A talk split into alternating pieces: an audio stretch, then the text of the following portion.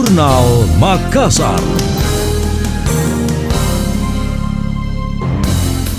Saya Emil Faris dalam Jurnal Makassar. Sosialisasi Perpres 86 tahun 2021 tentang Desain Besar Olahraga Nasional DBON yang digelar di Makassar menjadi momentum penegasan kembali komitmen Pemprov Sulsel untuk melanjutkan pembangunan Stadion Matoanging. Di hadapan Menteri Pemuda dan Olahraga RI Zainuddin Amali, PLT Gubernur Sulawesi Selatan Andi Sudirman Sulaiman menegaskan sampai saat ini pihaknya akan terus membangun. Sebagai wujud keseriusan, pihaknya telah menyerahkan ke DPRD Sulsel pembahasan yang di dalamnya sudah termasuk pembangunan pembangunan Stadion Matoanging tahap 1. Selain itu pihaknya juga telah menyerahkan langsung surat permohonan dukungan anggaran pembangunan Stadion Matoanging ke Kementerian PUPR melalui rekomendasi Menpora RI.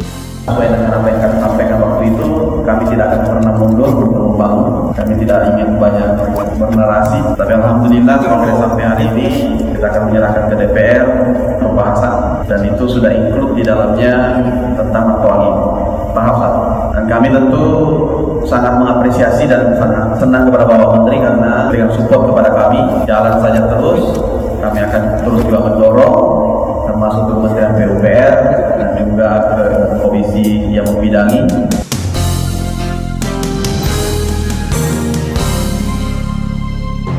Sementara itu, Kepala Dinas Pemuda dan Olahraga Kadispora Sulsel Andi Arwin Aziz mengatakan, Menpora Zainuddin Amali sangat antusias membantu pembangunan Stadion Matoanging. Sebab menurut Menpora, Stadion Matoanging adalah bukti sejarah yang harus dipertahankan. Menpora juga siap mengeluarkan rekomendasi agar pembangunan Stadion Matoanging mendapat kucuran APBN. Anda masih mendengarkan Jurnal Makassar dari Radio Smart FM.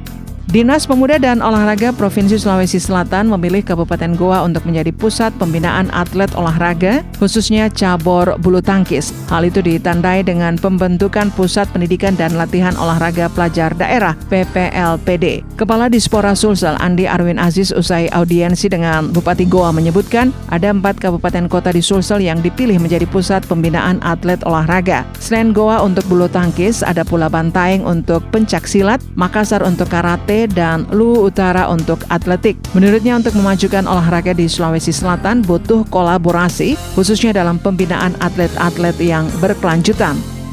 Setelah kita menganalisis potensi-potensi wilayah di Sulawesi Selatan, akhirnya kita mengambil kesimpulan bahwa untuk Kabupaten Goa itu potensial untuk pembinaan cabang olahraga bulu tangkis, kemudian banteng pencak silat, kemudian karate di Makassar dan atletik di Luwu Utara. Dan alhamdulillah Pak Bupati mendukung untuk kemudian nanti dibentuk ada lembaga atau pola pembinaan namanya Pusat Pendidikan dan Latihan Olahraga Pelajar Daerah.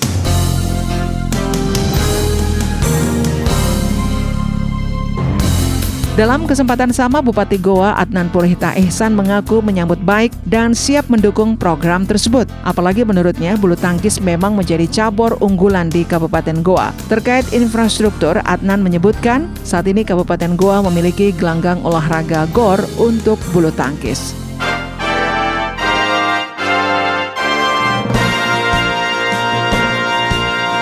Demikian tadi, Jurnal Makassar.